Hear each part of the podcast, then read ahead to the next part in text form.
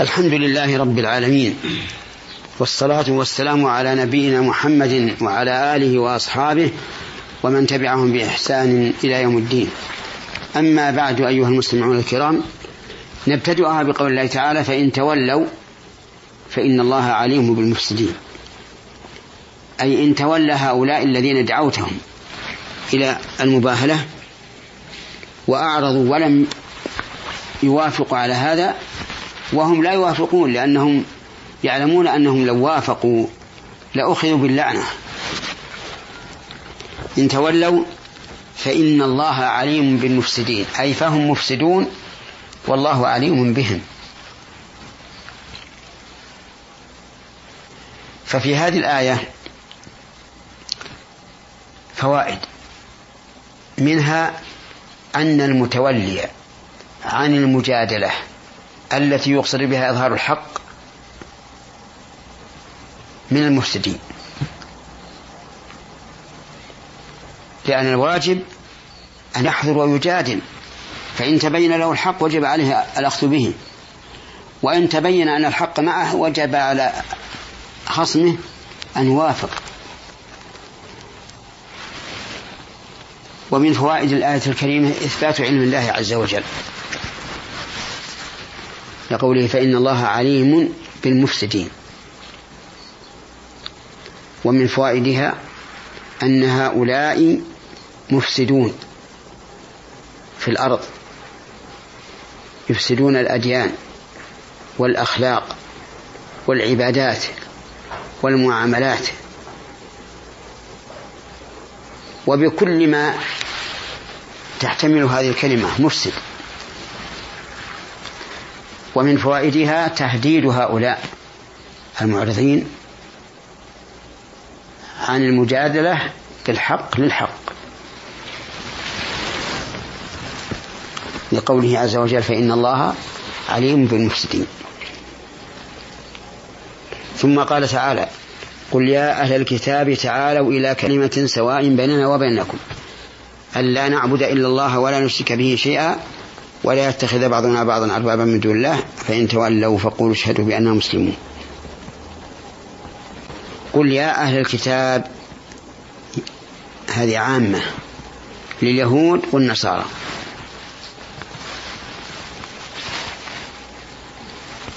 لأن كل واحد من هاتين الطائفتين لأن كل واحدة من هاتين الطائفتين تسمى أهل الكتاب. فاليهود كتابهم التوراة والنصارى كتابهم الإنجيل. تعالوا دعاء يدعونهم إلى الحضور إلى كلمة سواء بيننا وبينكم. يعني احضروا ولنطرح هذه الكلمة. بيننا وبينكم على السواء.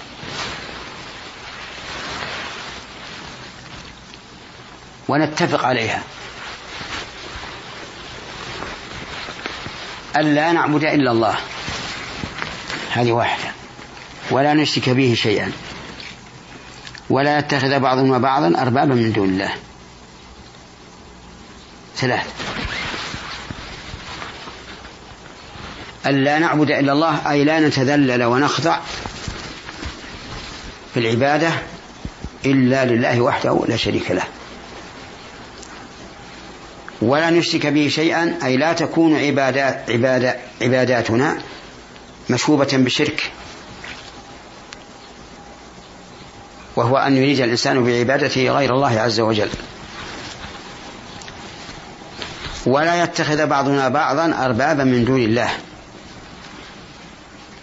يعني نعم نطيعهم فيما أحل الله فيحرمونه ونحرمه.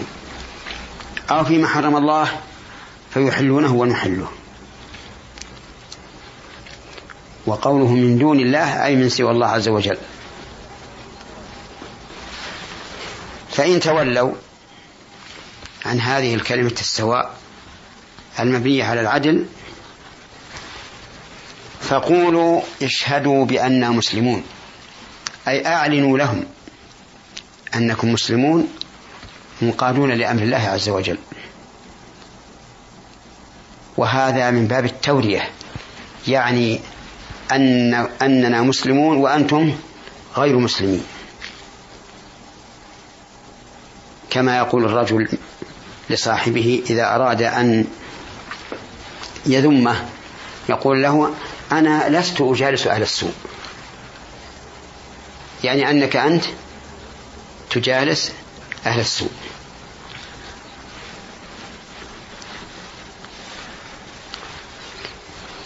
نعم في هذه الآية الكريمة بيان عدل الإسلام. وأنه مع معارضيه يدعو إلى العدل. لقوله قل يا أهل الكتاب تعالوا إلى كلمة سواء بيننا وبينكم.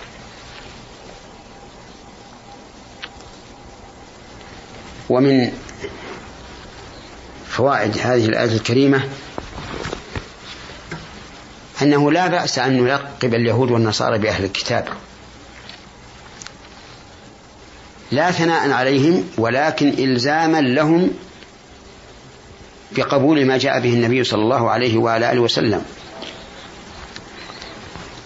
لأن كتبهم تشهد بصدق رسالة النبي صلى الله عليه وعلى آله وسلم فعيسى قد بشر به النصارى ووصف محمد صلى الله عليه وعلى آله وسلم موجود في التوراة والإنجيل. يأمرهم بالمعروف وينهاهم عن المنكر ويحل لهم الطيبات ويحرم عليهم, عليهم الخبائث ويضع عنهم مصرهم والأغلال التي كانت عليهم.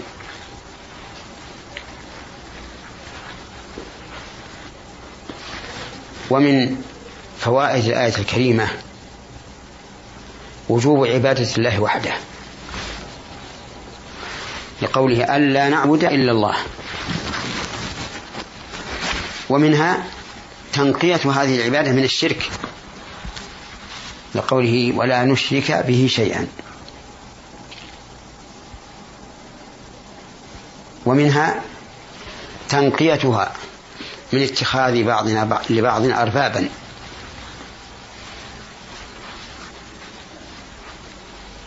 بل يجب أن نجعل رب العالمين هو الرب. له الحكم وبيده الأمر كله.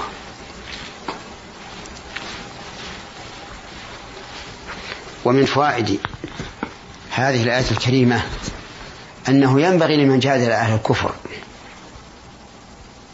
وأبوا أن يقبل الحق أن يعلن الحق.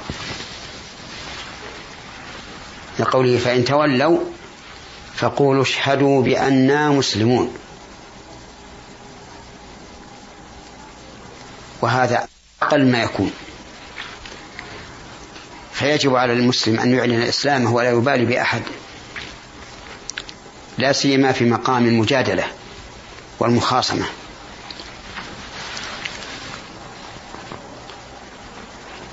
ومنها جواز استشهاد العدو على النفس. لقوله فإن تولوا فقولوا اشهدوا بأننا مسلمون. ولا سيما إذا كان في ذلك مراغمة للعدو كما في هذه الآية. ثم قال الله عز وجل يا أهل الكتاب لم تحاجون في إبراهيم وما أنزلت التوراة والإنجيل إلا من بعده إلا من بعده؟ أفلا تعقلون؟ هذا من الله عز وجل مخاطب يخاطب أهل الكتاب اليهود والنصارى. منكرا عليهم محاجتهم في إبراهيم. حيث زعم اليهود أن إبراهيم كان يهوديا والنصارى أن إبراهيم كان نصرانيا. فيقول لم تحاجون في إبراهيم؟ فيدعي اليهود أنه يهودي والنصارى أنه نصراني. وما أنزلت التوراة والإنجيل إلا من بعده. كيف يكون هذا؟ ولهذا قال أفلا تعقلون؟ إشارة إلى أن هذا نوع من الخبل والجنون وعدم العقل. وإلا فكيف يكون السابق زمنا تابعا لما جاء من بعده؟ هذا لا يمكن.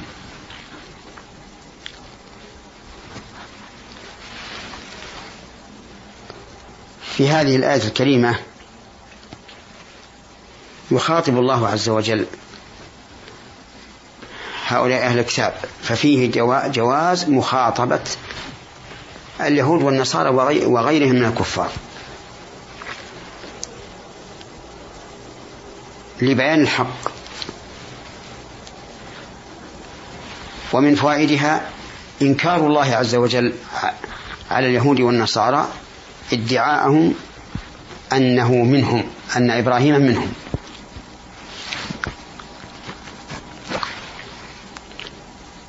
فاليهود يقولون هو يهودي والنصارى يقولون هو نصراني. ومن فوائدها بيان خبل وجنون هؤلاء اليهود والنصارى. لأن هذه الدعوة لا يدعيها أي إنسان له عقل.